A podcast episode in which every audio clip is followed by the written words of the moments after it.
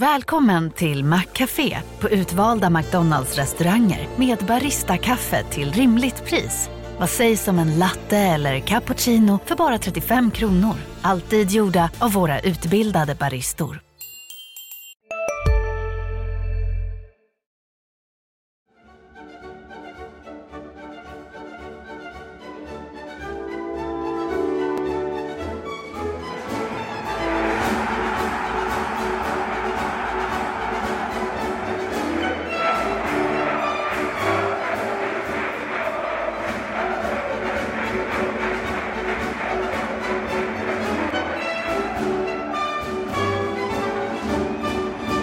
Det är onsdagen den 15 mars. Det betyder att det är faktiskt mindre än tre veckor kvar till HIFs premiär hemma mot Öster. Vi ska ta lite pulsen på HIF. Var HIF faktiskt står någonstans. Vi ska också titta tillbaka lite på Gais matchen den senaste.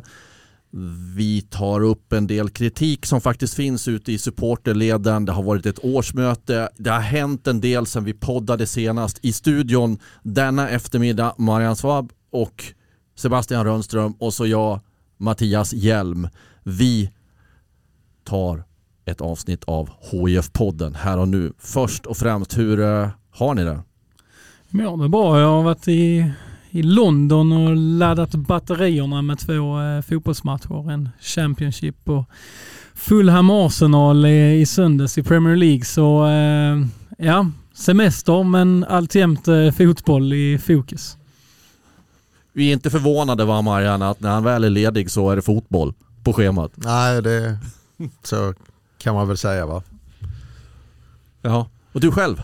Jag, eh, ja, men jag mår bra. Eh, som sagt, jag har sagt det innan. Jag tycker det är lite grann seg den här försäsongen. Eh, jag vill att matcherna att, att ja, börja spela om poäng nu bara.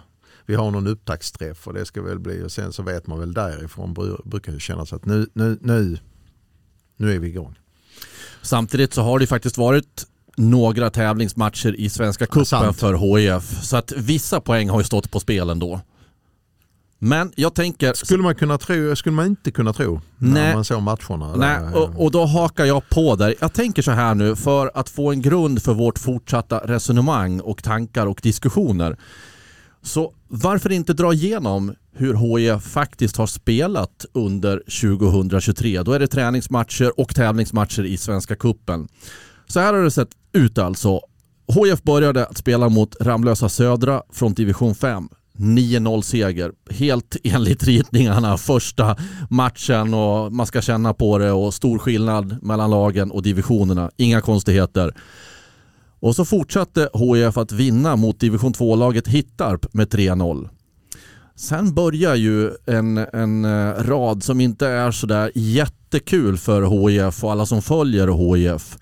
Förlust mot Ängelholm, EFF, som då spelar i ettan. Förlust mot Mjällby, som spelar i allsvenskan.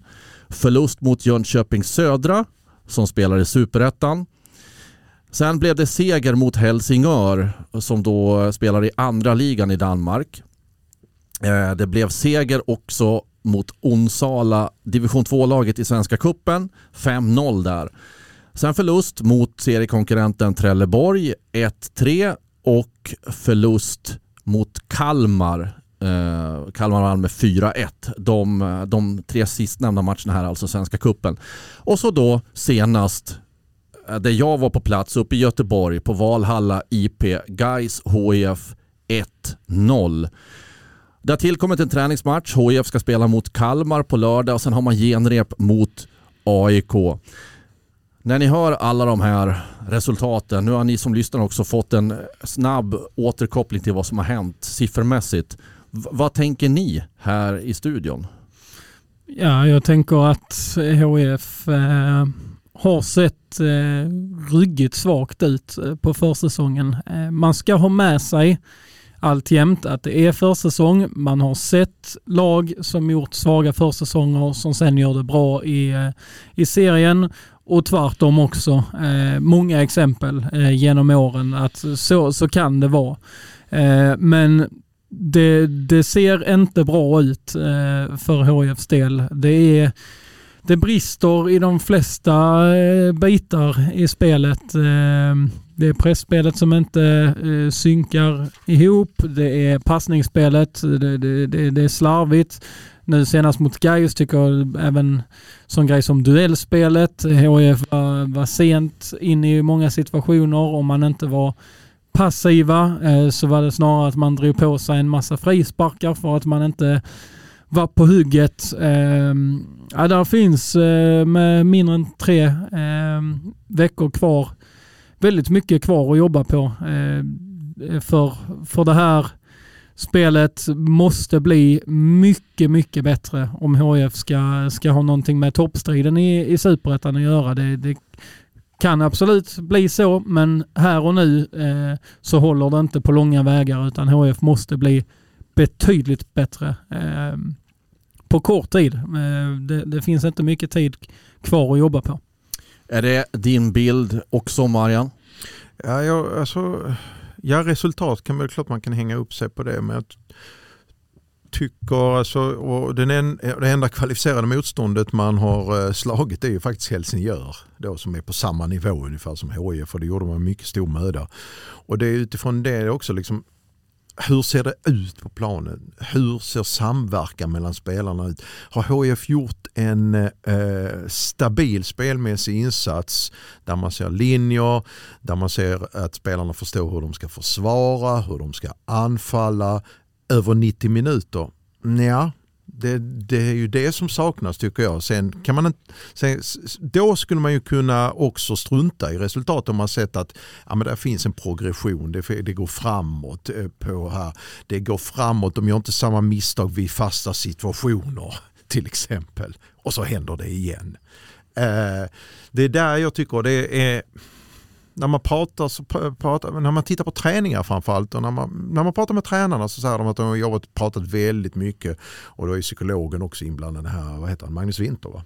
Eh, med det här med att kommunikation, vikten av kommunikation. Men när jag tittar på träningar, när jag tittar på matcher så är någonting av det mest avgörande är ju så att man är helt beroende av kommunikation. Är den biten på plats som är så viktig i lagidrott? Jag tycker inte det. Eh, vilket också gör ju också att spelarna kanske hamnar i situationer, oj, var blev han? Han skulle ju vara här. På det, men vänta nu här, hur gör vi här i pressspelet? Ska vi gå fram? När ska vi gå fram? När ska vi falla? Jättemånga sådana här små detaljer som blir ett stort problem när du liksom samlar dem till ett. Det är där jag är någonstans eh, eh, och sen resultaten, det hade man kunnat ha överseende med om mycket annat hade varit på plats och det tycker jag inte det är. Jag tycker också det ska bli intressant att se, eh, Marian du nämnde upptaktsträffen innan. Eh, känslan är att mycket talar för att HIF kommer vara ett av de två lagen som tippas gå upp i, i allsvenskan. Eh, och jag tror att många där stirrar sig blinda på, på truppen och, och klubbens storlek och så. Men eh, alltså, det blir ju kanske ett annat Eh, Eh, ja, vad ska man säga, men som alltid när HIF är i superettan så finns det ju den här pressen eh, utifrån på att eh, ett favoritskap. Eh, HIF har ju spelare för spelare så, så har de ju stark trupp. Alltså det, det är ju bara att titta på namn som Thomas Rogne, Fredrik Holst, Adam Hellborg, Erik Ring. Eh, Kasper Widell eh, gjort u landskamper kommer inte med nu inför denna samlingen men där, där finns ju Kalle Joelsson, ja, jag behöver ju inte rabbla hela truppen men eh, individuellt sett så, så, finns det ju en kvalitet i HF men det är ju just det här att få det till att sitta ihop som, som inte har lyckats. Så det var likadant förra året. Eh, så nu, nu blir det ju verkligen eh, på kort tid som allt måste klaffa. Annars så får man ha en start i superettan med Öster hemma ett Öster som jag tror kommer vara i toppen, som var nära att gå upp redan förra året. Och sen Gävle borta. Det är kanske inte det mest eh, sexiga motståndet, men åka upp där när man redan är lite så ehm, pressat som HIF är. Då, det är inte lätt. Alltså, en svag start så, så kan det bli riktigt darrigt eh, på många håll och kanter. Så HIF HF måste se upp eh, och förbättra sig kraftigt på, på kort tid annars så, så riskerar det att bli något, något form av slutande plan där, där det mesta kan komma att gå emot. Alltså spelare har ju ett stort ansvar, självklart. Uh, ibland kommer spelare väldigt billigt undan. Men det, det, som har varit lite märkligt under alla, eh, nu har jag sett väl eh, säg, över 20 års tid HIFs försäsonger, men det som är lite märkligt är att ena veckan känner man att de bör, de börjar alltid, nästan alla lag börjar med att sätta ett försvarsspel. Bra, fine. Det gjorde HIF också, börja med det, nöta in det. Eh, och så tycker man då att eh, eh, eh ja, men det sitter väl rätt hyggligt. Och, eh, även om de förlorar där matcher i början. Där, men det, det är ändå eh, inte oroväckande. Och sen så klappar man igenom under vissa perioder. Eh, I nästa match kan man klappa igenom helt i första halvlek. Till exempel mot Jönköping eller vad man nu möter, Trelleborg. Eh, och så tycker man då liksom, jaha men det här hade de ju, liksom, det här fick de ju ordning på för, för förra veckan. Okej, okay, fine. Så tänker man, då, ja men okej, anfallsmässigt såg det väl ganska bra ut. Man skapar lite chanser i någon match. Och sen så helt plötsligt så är anfallarna, offensiven, helt stopp. Det alltså liksom tar sig inte ens till chanser och så. Va? Och sen helt plötsligt så börjar det liksom i, i, andra halvlek här mot Geis, ja men då skapar man ju lite grann, i, kan ju bero också på att Geis bytte ut en massa, liksom att bytte sin startelva och så vidare. Och så vidare. Men alltså de har ju aldrig fått ihop detaljerna till Det är ungefär, du spelar ju golf ju Mattias. Jag tänker, ja, det ja. försöker jag göra. Ja, men alltså du vet hur det är med motion. Nu är du duktig, det vet jag. Men eh, ena, eh, ena, liksom, ena rundan kan, man, kan utslagen funka perfekt och så är spelet på green borta totalt. Tänk man, vad är nu detta? Vad händer nästa runda? Ja då funkar då stoppar du in alla puttar och när du ska slå ut, ja men då sprider du utslagen till höger och till vänster ut i, eller säga, i spenaten. Alltså det känns ju lite grann som, det är därför det har varit så svårt som man skulle kunna peka på att, ja men även om de har haft problem med anfallsspelet hela våren så sitter i alla fall försvarsspelet. Ja det gör det ena dagen men inte andra dagen. Och det tycker jag är och det tycker jag ligger på, det miss, jag ska knyta ihop detta, det tycker jag ligger på tränarna i detta att få ihop de här bitarna. Spelarna har sitt ansvar alltid eh, och, och, och, så vidare. Och det här med att jobba med, eh, speciellt de som var med och förlorade en massa i fjol, se till så att få någon slags bättre självkänsla, upp självförtroendet. Men det här med att eh, eh, eh saker eh, funkar från ena dagen till den andra men inte funkar i alltså, det, det ligger på tränarna tycker jag. Ja, nu är det Lång utläggning. Ja, båda två här har, har äh, lagt fram många tankar. Jag ska försöka få ihop detta till någon egen äh, hållning också. Men om jag startar så här med lite mer information då så, så var det ju så att HIF nu mot Guys på mittfältet startade med Fredrik Holst, Somar Almadjed och Adam Hellborg. Alla de tre eh, på mittfältet eh, från start för att se hur det skulle fungera. Och så kopplar jag då till dig Marian, första halvlek. Alltså det fanns ju knappt tendens till offensivt spel. Man blev så duktigt utrullat av Geis som i och för sig har gjort en grym försäsong. Men Geis är en nykomling nerifrån. HIF är ju uppifrån. Så det ska inte kunna vara så här stor skillnad mellan två lag. Jag vet det är en träningsmatch men första halvlek så satt jag bara där i princip och kände Wow vad bra guys är och motsatt Wow vad dåligt HIF är. Och när en, en, eh, när en person alltså från Gais-läktaren, jag var tvungen att fråga de som var bredvid mig eh, det, det är Gaisare här va? Ja, HIF står på motsatt sida och de var 33 stycken räknade jag det till. Men då är det alltså från Gaisläktaren en som ropar högt och tydligt Skärpning nu Helsingborg! Måste bli match! Alltså de som hade tagit sig dit för att hålla på, kolla på Gais, på sitt Gais ville ju att det skulle bli någon typ av kamp i, i det här och de upplevde att men, uppenbarligen, vi är så mycket bättre än HIF. Alltså det ska ju inte kunna få vara så även om det är en träningsmatch tycker jag. Och sen då, Marianne som du säger, i andra halvlek där.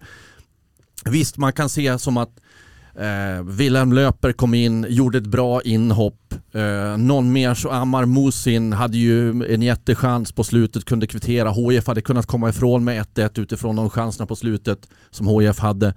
Och, och Ammar Musin var inblandad i någonting som Amil Amhawawi i, i första halvlek knappt rörde bollen. Så visst skulle man kunna titta på sådana tendenser att ja, men det fanns positiva saker att ta med sig. Men då hade ju nästan båda lagen bytts ut helt och hållet. Det går inte att dra några slutsatser utifrån det utan man måste dra slutsatser från där. Hur såg det ut när lagen ställde upp som de något sådär kan tänkas ställa upp framöver? Och det ser verkligen inte bra ut. Och tillbaka till dig då, nu är jag snackar länge Sebbe, med Superettans upptaktsträff där förmodligen HIF kommer att topptippas. Jag säger så här, utifrån det jag såg nu så är HIF inte i närheten att vara ett topplag i Superettan. Inte i närheten. Nej, som det ser ut eh, just nu så eh, håller jag med. Eh, sen så kan ju saker hända, det, det vet vi. Men, men jag vill ju se de sakerna hända innan jag tippar HF i, i toppen.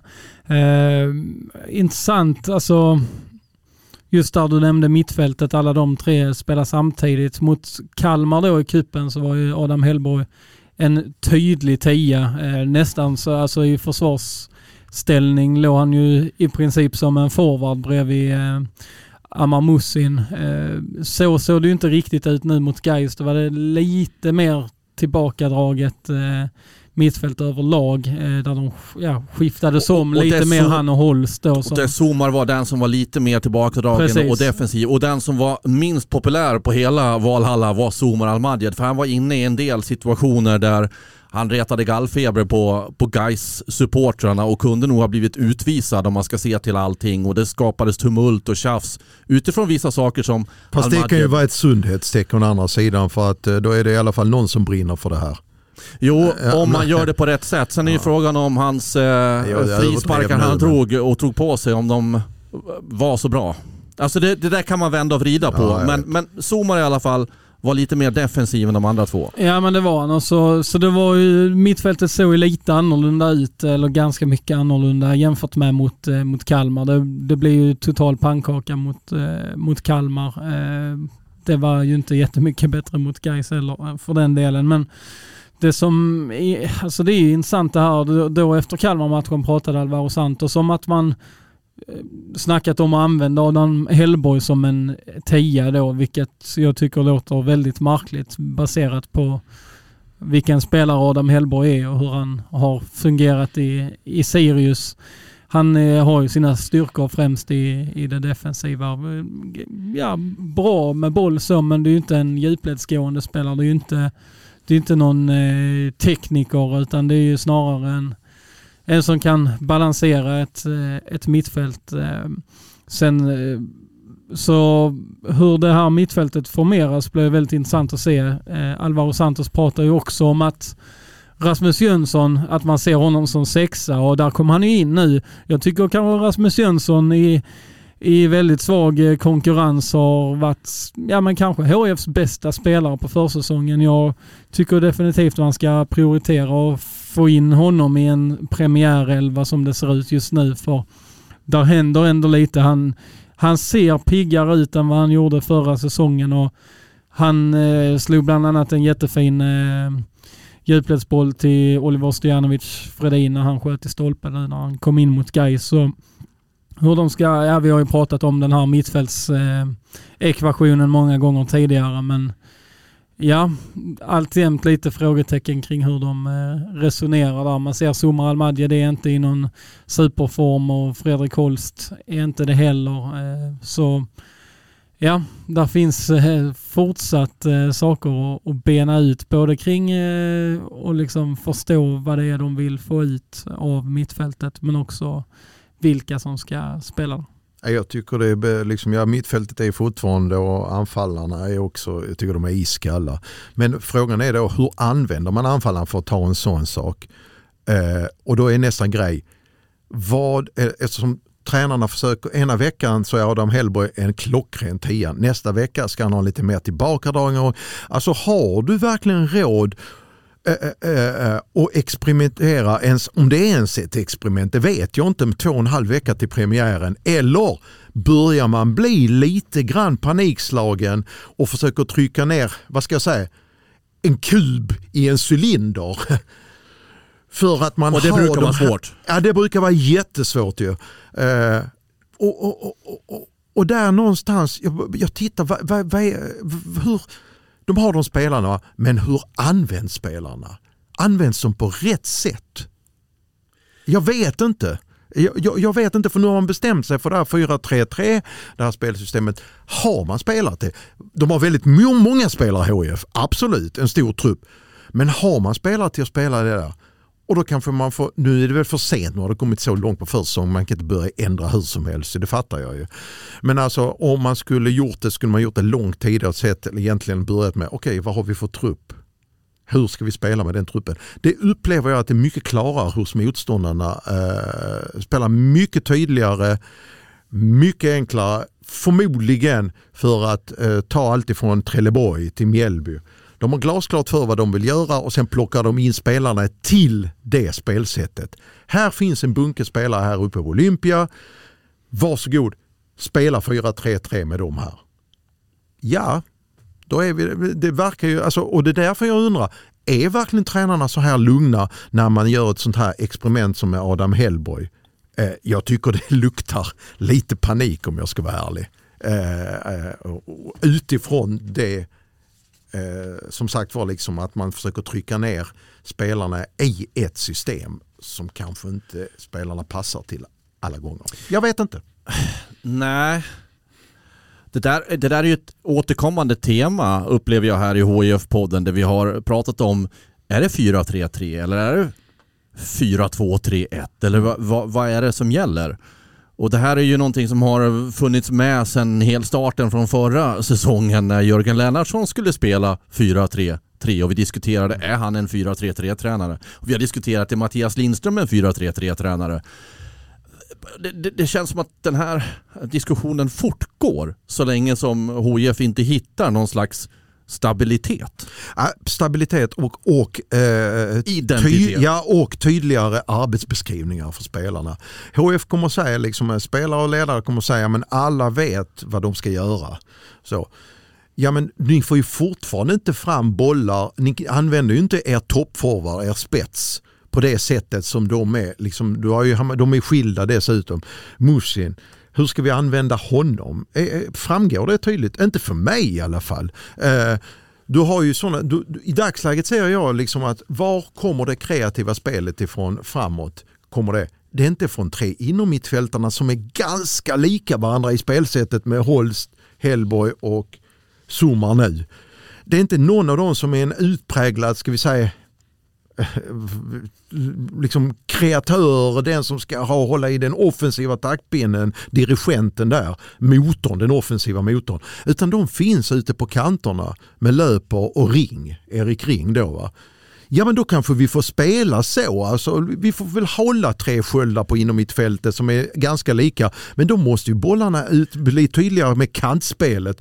Och hur ska vi ha en djupledslöpande som Hamavi eller ska vi ha en boxspelare som Musin?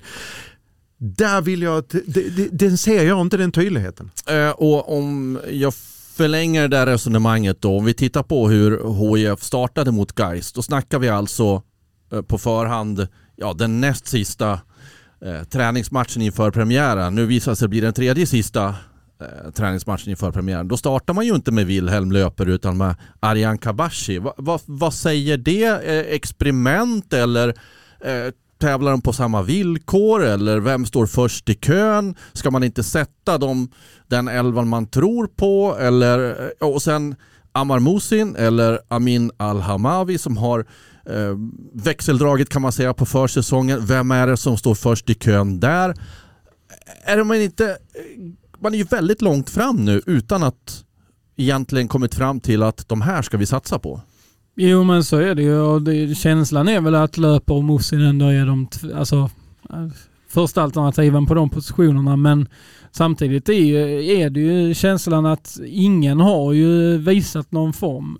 I princip ingen spelare alls har ju, har ju gjort det bra på försäsongen. Så, ja, jag tycker Erik Ring Ja. Erik Ring Jag är framförallt i början och, och Rasmus Jönsson som jag nämnde tycker jag också gjort det bra. Men, Det tycker jag är ett bra nyförvärv, Erik Ja. Ring. men, eh, men utöver det så, så är det ju många som, som famlar i, i mörkret efter, eh, efter form. Och, eh, och då är det ju kanske naturligt, även om det är ganska sent på försäsongen, att man testar för att se, ja, men kan vi göra någonting som skakar liv i det? Men eh, det följer inte väl ut denna gången heller så det blir intressant att se nu mot, eh, mot Kalmar igen om man, om man ser ja, vilka som startar om man då kanske kan se en tydligare eh, startelva inför premiären. Och, och knäckfrågan är ju alltjämt eh, hur man formerar mittfältet i, i första hand. De andra positionerna känns ju kanske lite lättare att förutspå. För mig är knäckfrågan hur, hur, hur ska vi göra för att skapa mer, fler målchanser? Eh, om vi nu tar offensiven. Och i dagsläget så ser det bara ut som att det man kommer fram att, att det givna är då liksom ändå fortfarande Erik Ring.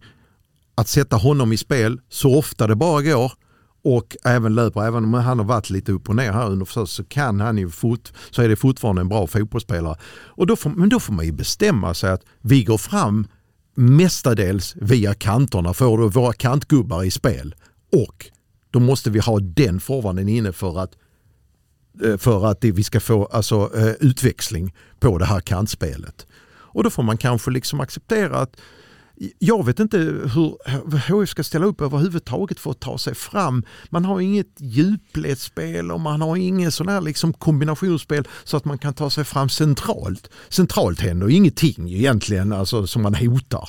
Utan man hotar på kanterna med löper, med ring. Ja men då får man kanske ta och finslipa det som man har med sig ett ordentligt vapen in i premiären. Uh för det går ju inte, centralt är det ju helt stopp. Nej, och det finns ju också en, en fundering till man kan ha med sig i det här. Tränarna då Mattias Lindström och Alvaro Santos som tog över efter sparkade Jörgen Lennartsson i maj i fjol. De har ju knappt med sig några segrar överhuvudtaget. Då var det ju allsvenskan i och för sig, det var en högre nivå. Men ändå, de har ju haft ganska lång tid på sig. Jag vet att det har kommit in andra spelare, spelare har, har lämnat så det är förändringar på så sätt. Men så den här, den här vintervåren fram till nu där, där man fortsätter att inte få ihop det. Man börjar ju snart undra hur, hur funkar kommunikationen mellan spelare och tränare? Vad har spelarna för förtroende för, trä, för, för tränarna? Har de ett förtroendekapital eller är det förbrukat redan innan serien är igång? Man börjar ju undra vad, vad, Det är var, intressant. var är problemet?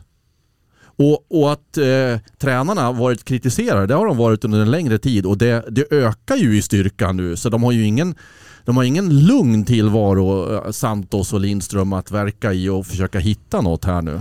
Nej, och det är ju eh, väldigt intressant i, i sammanhanget just det här med, eh, kopplat till att eh, resultaten inte går med eh, HIF och att det kommer kritik eh, från, eh, från supporterledare. Man har ju satt sig i en lite speciell situation i, i HIF. Eh, känslan är ju lite att det måste nog bära eller brista här. Och jag, jag hade ju gärna sett att man eh, inför den här säsongen verkligen slog vakt om och satsa lite mer på unga spelare och så vidare. Men nu har man ju ändå tagit in de här Holst, Ring, eh, Hellborg, alltså spelare som verkligen signalerar att eh, vi ska inte stanna kvar i Superettan, vi ska upp i Allsvenskan.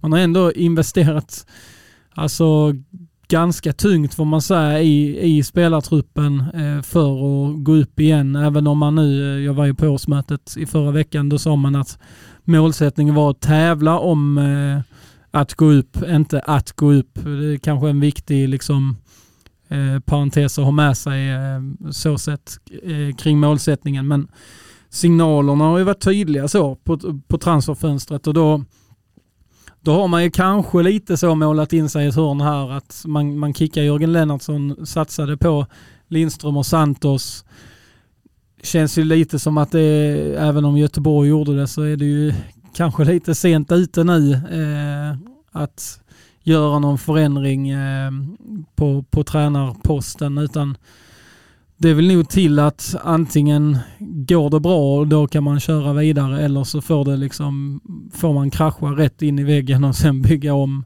därefter. Eh, för man kan ju inte ha, behålla någon trovärdighet i, i det här om man om man skulle göra sig av med, med tränare på nytt, då har jag ju svårt att se att eh, Andreas Granqvist kan sitta kvar som sportchef. Det, det, det funkar ju inte. Då, då, då blir det ju nästan löjligt om man gör det, tar det ännu ett varv och, och, kickar tränare för att man har misslyckats på nytt. Det, det är många ansvariga som spelar ett högt spel här.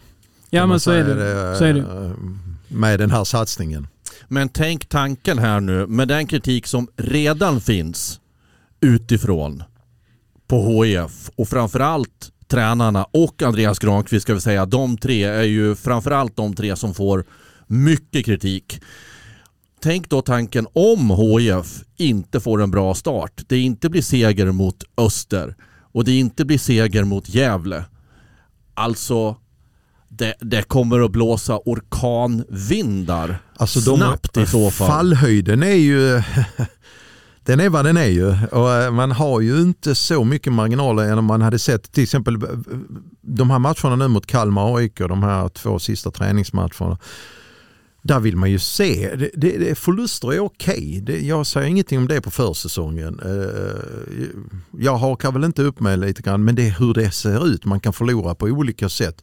Därför behöver de två bra insatser, prestationer i de här träningsmatcherna. Och som du är inne på Mattias, de har ju inte så lång startsträcka i sen allvarligt börjar med eh, i serien som om ett fungerande lag hade kanske kommit in lite snett första två, tre omgångarna men det har sett väldigt stabilt ut på försången spelmässigt. Man ser hur laget vill försvara, hur de vill anfalla, fasta situationer, alla sådana grejer. Ja, men det har sett bra ut. De kommer få längs med resans gång här i Superettan. De kommer få betalt för det jobbet de gjorde. För. Men i och med att försäsongen har sett ut som den har gjort nu så har man ju inte köpt sig de här, alltså att man kan göra lite, att inte poängen trillar in direkt men att borta för 30 omgångar, över 30 omgångar kommer det här betala sig. Det är det man inte har köpt sig nu. Det är alltså ut, tålamodet både ut... Har du också valt att bli egen? Då är det viktigt att skaffa en bra företagsförsäkring. Hos oss är alla småföretag stora och inga frågor för små. Swedeas företagsförsäkring är anpassad för mindre företag och täcker även sånt som din hemförsäkring inte täcker. Gå in på swedea.se företag och jämför själv.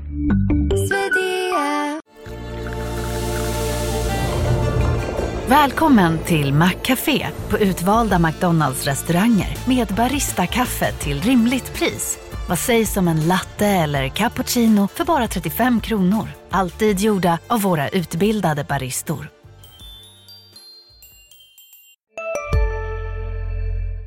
Utifrån och kanske även inuti gruppen.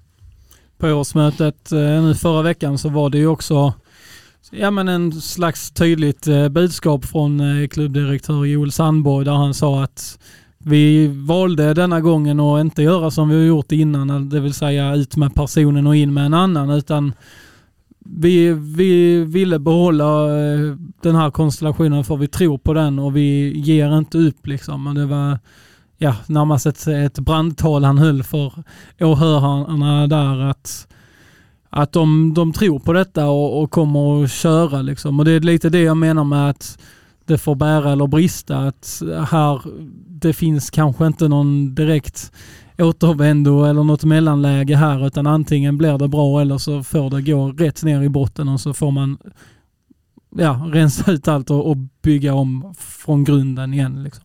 Problemet är väl också här eh, när du säger att eh, de har förtroende för tränarna och vill, eh, ja, tror att det kommer att bli bra.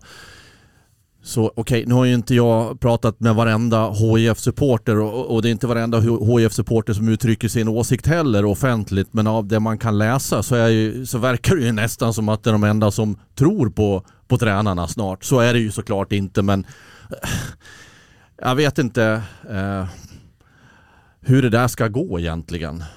Kommer inte resultaten så kommer det ju bara bli en större klyfta mellan ledning och, och supportrar. Det är ju ofrånkomligt. Någonstans. Och, och hur står man emot pressen då? Nu ska vi inte ta ut någonting i förskott att det kommer att bli dåliga resultat för HIF. Men det pekar ju inte åt rätt håll som det ser ut här och nu. Så, ja. Och Lindström. Jag kände ju, jag var ju ganska jobbig. Jag var, jag var, jag var jobbig mot Lindström efter matchen i, eh, mot Gais. Det var jag faktiskt. Men, men eh, just det här att känna, om man känner av pressen. Micke Stare har fått sparken i, Göteborg, det nämnde Lindström själv också i intervjun till mig. Och, och, om han känner av det då säger han jag känner inte av det först. Men sen kommer det, det är inte så att vi presterar, alltså han och Santos. Det är inte så att vi presterar sämre jobb, men vi är medvetna om pressen och att det finns en del missnöje. Men vi jobbar på, vi tror på det och vet, han använder ordet vet och det kanske bara kom spontant men han sa så i alla fall och vet att vi kommer att få ordning på det men det är ett tufft klimat. Och det där vet hakade jag på så att jag frågar då vad är det som gör att du kan säga att du vet det utifrån hur det har sett ut så här långt och då svarar han Vi tro, tror på det och ser ju spelarna varje dag i träning och de spelarna är självkritiska och vet vad de kan och vi vet vad vi kan. Tillsammans kommer vi få ihop det så vi kan vara med i varje match och tävla. Sen hur långt det räcker får vi se, men att vi ska få ihop laget och vi ska höja oss tillsammans, det kommer vi definitivt att göra säger Mattias Lindström. Och Mattias Lindström är ju en, en positiv, energisprudlande eh, man. Så att han säger så är inte konstigt, men ibland undrar jag om man skulle tjäna på eh, att uttrycka en viss fundersamhet själv kring att det här är inte så bra alltså. Det måste till radikal förbättring hos spelare och hos oss som tränare. Att man kanske skulle signalera något sånt. Jag vet inte om det är för farligt eller om man sänker något förtroende in i truppen genom att göra det. Men mm, ibland undrar jag. Ja, nej, men det är en intressant eh, diskussion det där med... Eh, alltså, det är också en form av kommunikation. Liksom, hur man eh, Ja, men det går inte att lura spelare heller. Nej, men hur man liksom signalerar och så. Man kommer ihåg, det var väl till och med guldsäsongen 2011 som Erik Edman gick ut på försäsongen och sa att vi kommer att åka ur, eller vad han sa, om vi inte spelar bättre än, äh, än så här. Äh, så det finns ju olika sätt att, att, hantera det på. Även också kopplat till vad det är för individer man har i en trupp. Har en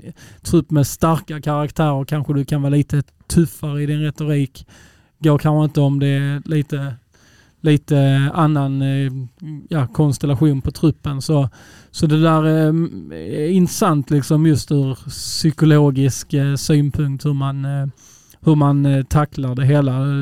Tycker ju den retoriken har ju varit lite liknande från, även från många av spelarna. att ja, men vi, vi kämpar på. Vi, vi ser att det blir bättre på, på träningarna och, och vi vet att vi kommer att och göra det bättre. Ehm, det är möjligt att diskussionerna går på ett helt annat sätt internt, det vet ju inte vi. Men, men absolut att det måste ju eh, vara, finnas en, en kravbild som, som kräver att det man presterar är betydligt bättre än det man eh, har gjort hittills. Oj, eh, det blev ett mörkt avsnitt det här alltså i form av kritik eller hur man ska uttrycka det, eh, funderingar? Ja, jag tycker ändå vi har försökt lyfta fram, ja. sagt var, liksom, det är vissa spelare som ändå liksom, man ser att det finns, och det är ju liksom de man måste liksom utnyttja nu, liksom de som i alla fall är i form och visar någonting som man inte släcker dem också så att det blir som så många gånger förr i HIF att det kommer spelare hit har potential, är sådana grejer och sen helt plötsligt så i den här miljön så blir de sämre istället för bättre. Så att, eh, jag, jag, tycker man måste tillbaka, liksom, lite grann tillbaka till ritbordet och sen så liksom göra det jag, jag, jag, vet inte om detta är för svårt, svårighetsgraden på det HF försöker göra, att den är alldeles för hög liksom för de andra spelarna, lagen som de har mött här under försök. Jag tycker Jönköping och alla de här lagen, de spelar ganska enkel fotboll. De som har spelat liksom med hög svårighetsgrad är ju Kalmar ju. Som de har mött. Men överhuvud Trelleborg som de mötte då. Vad har vi mer för några? Men, men, Mjällby, Mjällby också, också ganska. Men alltså svår, de spelar enkelt, de spelar rak fotboll. Jag vet inte om HSB försöker sig på spelar för alldeles för svår fotboll. Jag börjar fundera på det här. Jag vet inte hur ni skulle karaktärisera Gais spel, men för mig är ju inte Gais så att det är jätteenkelt, för det var, det var skickligt spel. Det var snabbt, det varierat passningsspel från kanten, via mitten, försöka komma på instick, inlägg, varierat där också. Det hände mycket. Det kändes inte som att det var ett, det, det lättaste av spel, för det var inte bara ett ut på kanten, inlägg, utan här försökte man spela sig fram och göra det snabbt och gjorde det bra, tycker jag. För att HF tillät det också. Ja, det så, så kanske det är. Men om man ska lyfta fram fler ljusglimtar så är det så att lagkaptenen Thomas Rogne var tillbaka efter att ha missat Svenska Cup-spelet med vadkänningar. Tillbaka i spel, spelade bara 45 minuter men efteråt sa de att det var så det var sagt. Han skulle inte spela mer så det var inte någon fara för, för att det var någon skada som hade gått upp eller så. Och Andreas Landgren comeback efter över ett halvårs frånvaro i matchsammanhang.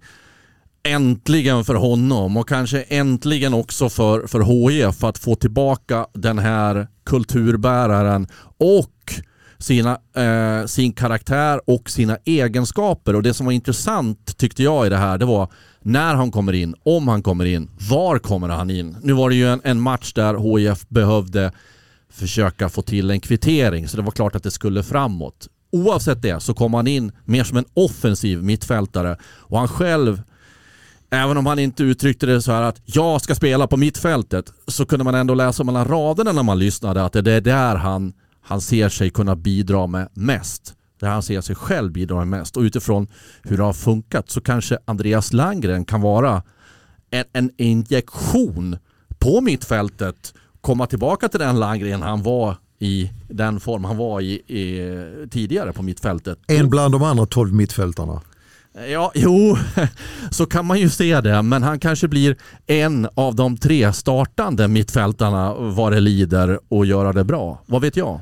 Ja, jag, jag tycker att Andreas Langen är bäst på mittfältet. Eh, samtidigt så är vi då åter tillbaka i den här, då ska vi kasta in honom också i den här eh, leken med alla andra mittfältare och då, då blir det plötsligt kanske ännu rörigare.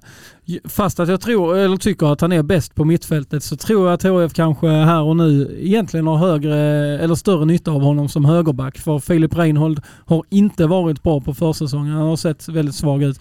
Eh, Viktor Blixt eh, har fått sina chanser och, så. Han ser spännande ut men frågan är om, om han är där eh, just nu i, i den formen att han är, är redo för en, eh, en startplats. Det känns ju onekligen som att Filip Reinhold är första alternativet och då ser jag hellre Andreas Landgren just nu som, som högerback. Han har ju visserligen en startsträcka här. Det, han kan ju kanske inte gå in och spela 90 minuter mot, mot Kalmar på lördag liksom. Men, men jag tror att man kanske ska tänka och kanske ändå eh, ha med det i, eh, i planen att eh, kanske kunna använda Landgren som högerback. Vi vet dessutom att han hade ett väldigt bra samarbete med Wilhelm Löper i Superettan 2021. De gjorde, var väldigt stark högerkant i HF. Så jag, eh, ja, får jag bestämma så sätter jag, eh, trots att jag går emot eh, min egen övertygelse om att Langren är bäst som mittfältare, så vill jag se honom som högerback. Men nu blir det ledande. Tror ni inte ändå att eh, Santos och Lindström någonstans ändå känner skönt att han är tillbaka? Eller? Jo, ja, man vill ju ha sen, alla spelare sen, i spel såklart. Så, men... Sen är jag inte så säker på att han tar en startplats. Eh, åtminstone inte i inledningen av Superettan. Jag skulle kanske tro att han spelar, äh, sitter på bänken. Eh, att där är en och annan mittfältare som går före. Eh, inte minst kopplat då till att han har en startsträcka. Ehm, så jag... Får jag... Det är mittfältaren som dessutom... Får jag gissa här och nu tror jag inte att han startar en eh, superettan-premiär. De har hissat dessutom en mittfältare som har gått konstant skadad, Benjamin Aqua, som också ska in i den här ekvationen. Just det. Just det. Han finns ju också, som är um, väldigt bra i sina bästa stunder och i form. Och skadefri. Och skadefri. Det är en sån spelare de skulle eh, verkligen behöva eh, på mittfältet. Men eh, frågan är när han är tillbaka. känns ju inte som att han heller kanske startar en superettan-premiär. Det är nog väldigt ont om tid eh, kvar att jobba på för, för honom. Va, han är, liksom, alla säger att han är i fas och det, är möjligt, det, det, det säger jag inte emot. Så, va?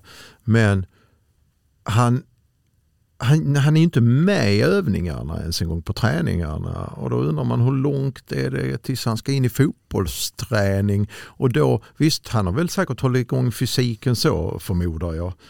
Men det är lite grann av, han ska in i någon slags försäsong kanske när superettan börjar.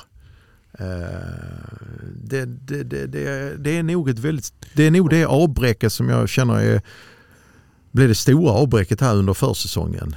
Och det kan ju faktiskt vara så att de inte har eh, tid att låta honom komma tillbaka i sin mm. egen takt utan om resultaten inte kommer så kan de ju känna sig stressade av att vi måste få in Aqua i spel så fort det bara går. Mm.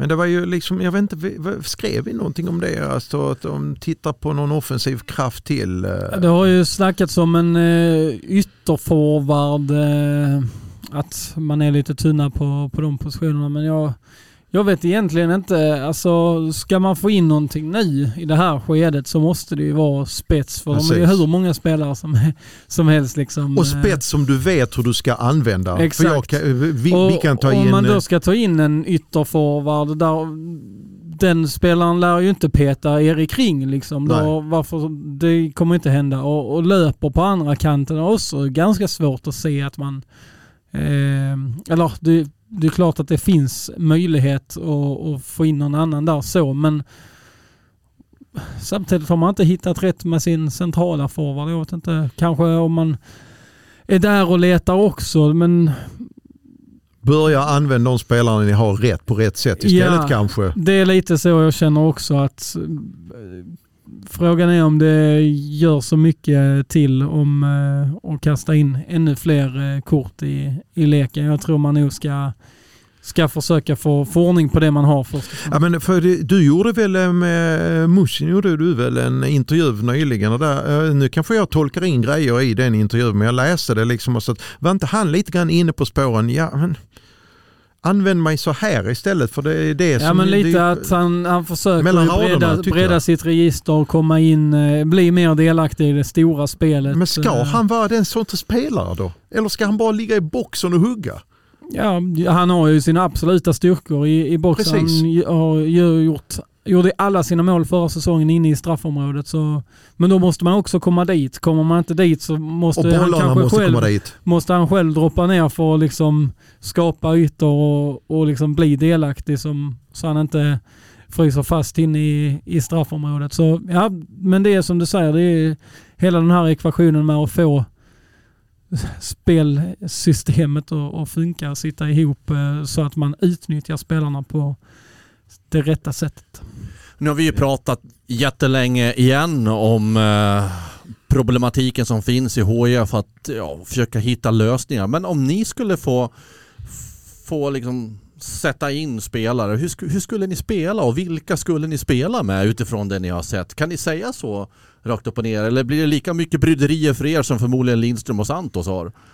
Men där är en del bryderier. Eh, ja, men då gäller det ju mittfältet. Eh, jag har suttit här och funderat lite. 4-4-2, hur skulle det funka? Man landar ändå liksom i att Frågan är hur kompatibla Musin och Al-Hamavi skulle vara tillsammans. Jönsson skulle väl kunna spela?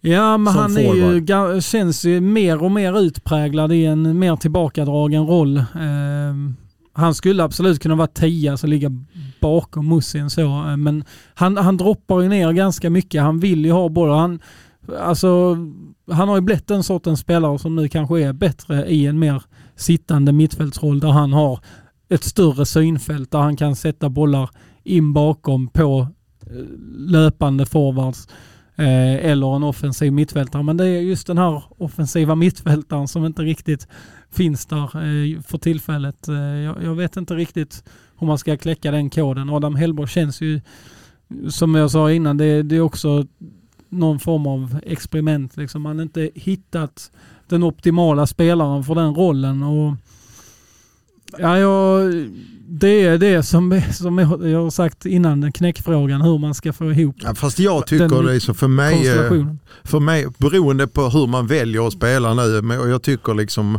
om du ska ha minsta lilla centrala hot och sen så liksom vikta över det på kantspelet. Så tycker jag, jag hade ju start, jag ser en premiärelva framför mig med Kalle Joelsson då som från höger faktiskt. Viktor Blixt, jag tycker Reinhold blandar och ger rätt frisk för tillfället. Alltså, ja, det är kul med en kille som går in helhjärtat och sånt men det känns ju som att det har blivit alldeles... Eh, alltså, eh, han var väl borta en del under försäsongen här också ju. Och det var ju Viktor Blixt också. Va? Men jag tycker ändå lite grann får man tänka på framtiden. Där tycker jag ändå, och farten finns ju där på, kan, på kanten. Jag tror att han och löper. Men så då har jag Viktor Blixt från Öger, jag har Rogne.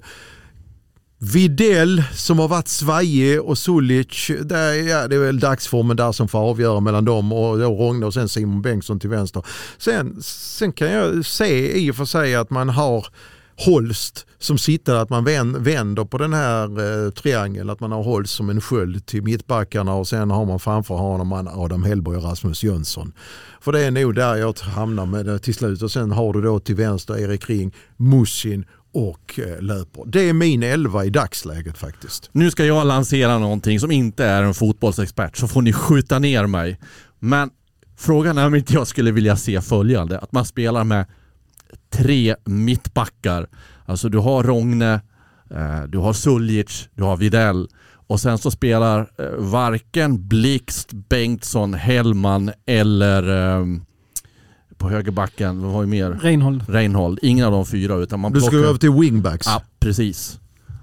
Eh, Ja, ja, eh, det är en lösning jag skulle vilja se i, i HIF. För jag tycker inte riktigt att vänsterbackspositionen och högerbackspositionen har eh, riktigt den nivån för att vara ett uttalat eh, solklar favorit för att vinna superettan. I januari hade jag gått med på detta men det hade signalerat total panik nu om man går över Ja, till att spela. så är det ju. Så är det ju. Eh, Men å andra sidan kanske det snart är total panik om det inte blir bättre spel. Ja, för då, får, då hade jag som spelare undrat. Okej, Nej, det är klart- vet de där Nej, två vad de sysslar med överhuvudtaget? Nej, nej exakt, det är klart att det inte går att göra det nu. Men eftersom det här är ett poddavsnitt och man får Absolut, tycka jag och tänka liksom lite utanför Tanken boxen. är inte dum. Men truppen är återigen där felbyggd för det spelet ju. Men om, om det finns 12 eh, mittfältare så borde man väl kunna hitta två som funkar bra eh, med lite defensivt ansvar. eller? Men hur många ytterbackar då får du bara slänga liksom. Nej, jag vet. Det går ju inte. Det, det är det jag menar. Men Det det hela den här poängen är ju att hur är denna truppen byggd? Eh, Hur, balans, hur ser balansen ut?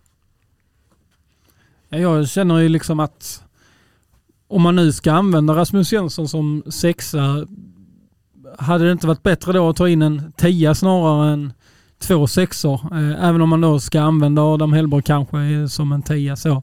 Så känns det ju ändå som att man hade kunnat hitta en eh, annan sorts profil på den mittfältsvarvningen eh, istället och, eh, och då fått det här mer av ett djupledshot, en mer offensiv mittfältare. För som det är nu så är de allra flesta, eftersom Rasmus Jönsson också ska vara sittande, så har man fyra sittande mittfältare som slåss om, om tre platser. Där har du det igen. Ska HIF, jag blir inte klok, ska HF i superettan gå in i superettan genom att vara spelförande, ligga lågt och ligga på fart på kanter eller djup? Och det har man ju inte. Jag, alltså det är det jag menar, jag har inte kommit fram till hur vill HIF, vara? på, på, på grund av den frågan som står där, eh, som du ställde först Mattias, var står HIF?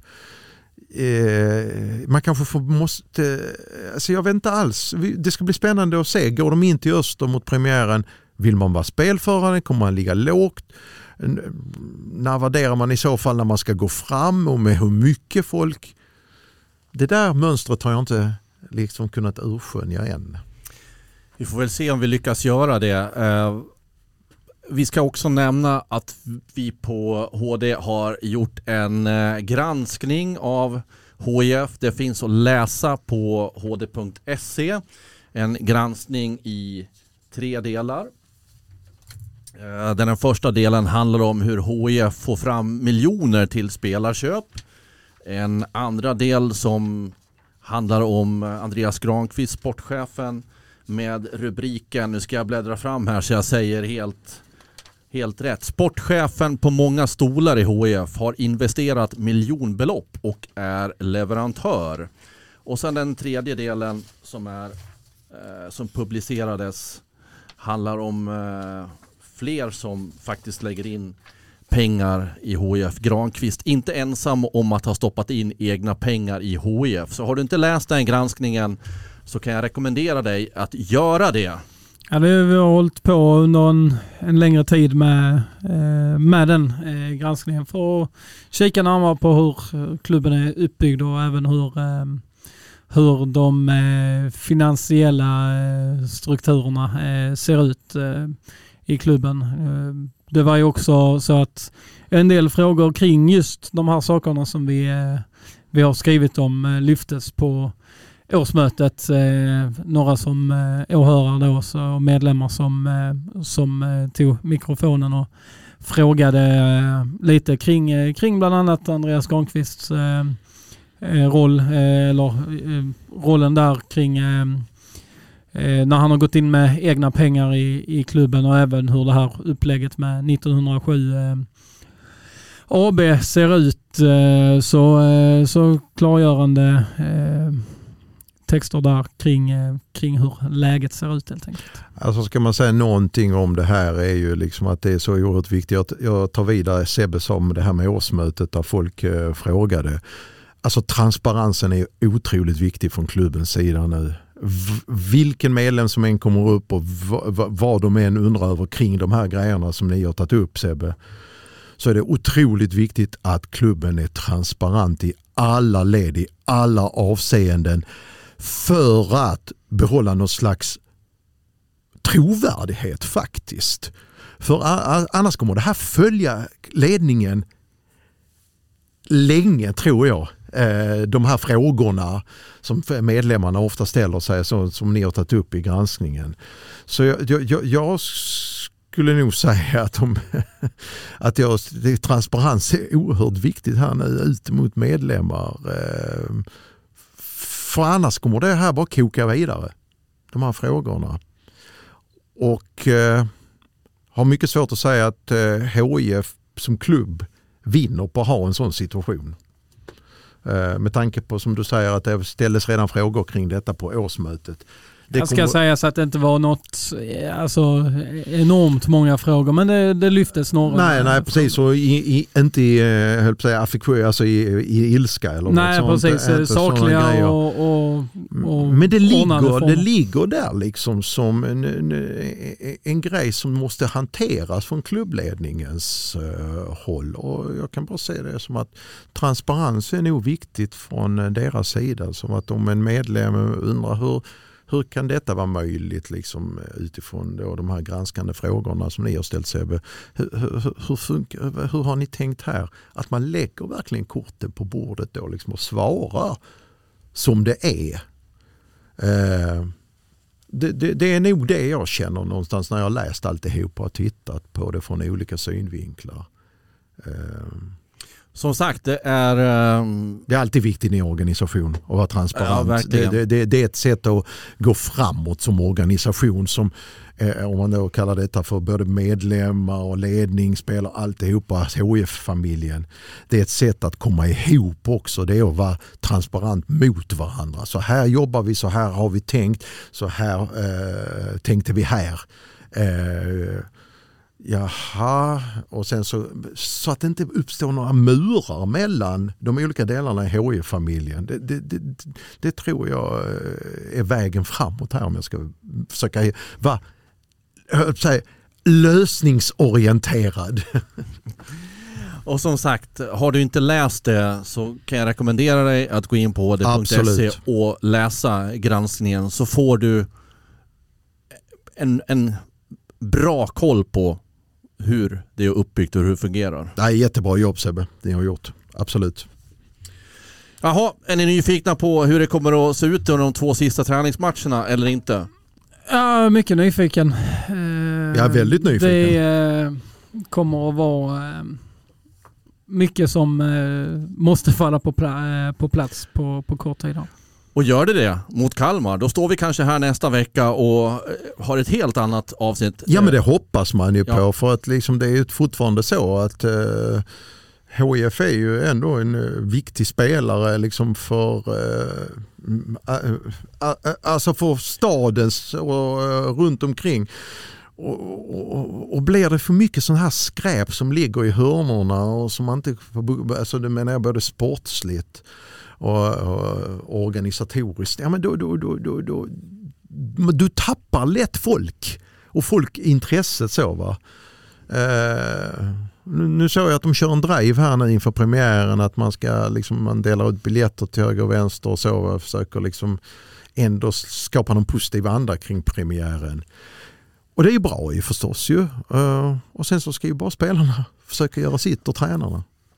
För eh, alltså mycket om man ska sammanfatta årsmötet lite så, så var det ju, det här stod ju givetvis i centrum att med resultaten, hur, hur knackigt det går eh, samtidigt som man då i andra änden eh, försökte lyfta eh, mycket av, av andra grejer, till exempel sponsor och publikintäkter som slog eh, eh, slog budget eh, förra året eh, och sen också eh, sponsorintäkterna har HF satt som mål att eh, eh sätta superettan-rekord i eh, sponsorintäkter 2023. Eh, va, ja, sätta rekord där helt enkelt. Eh, för det är ju på, på de eh, sidorna i liksom organisationen har man ju, har man ju tagit ett, ett visst omtag och, och fått utveckling på det.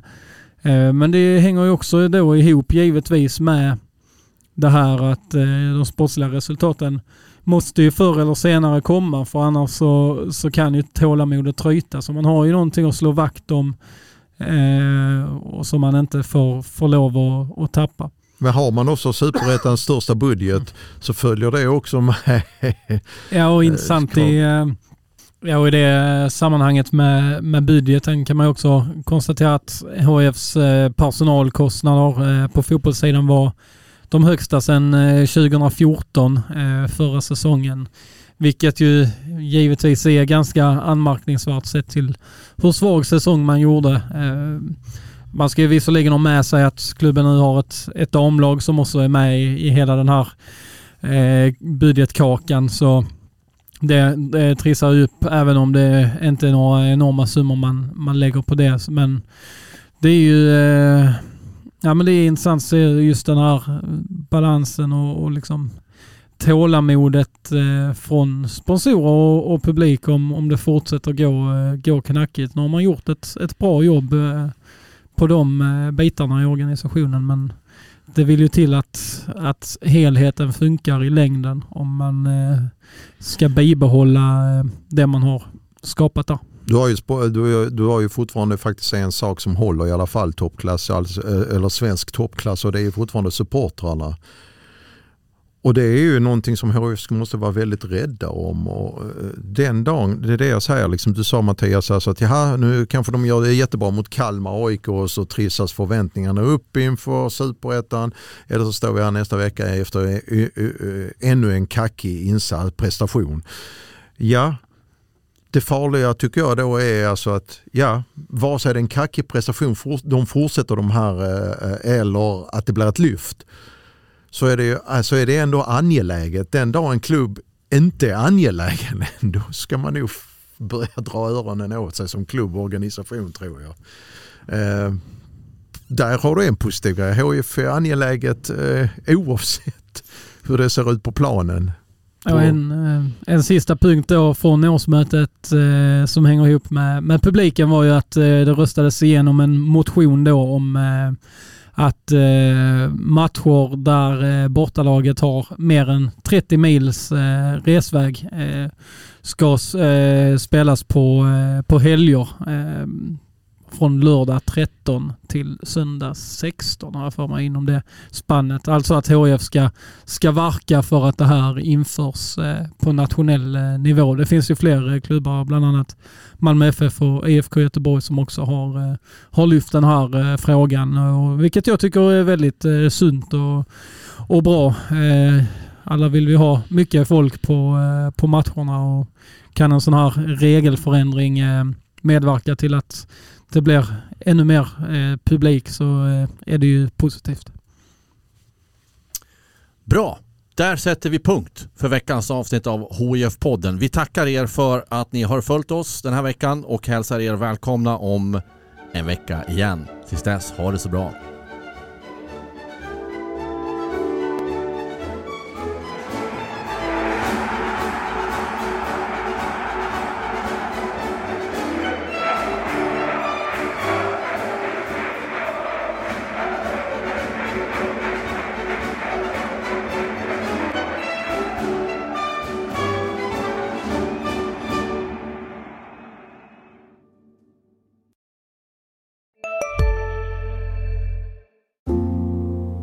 Ska några små tassar flytta in hos dig.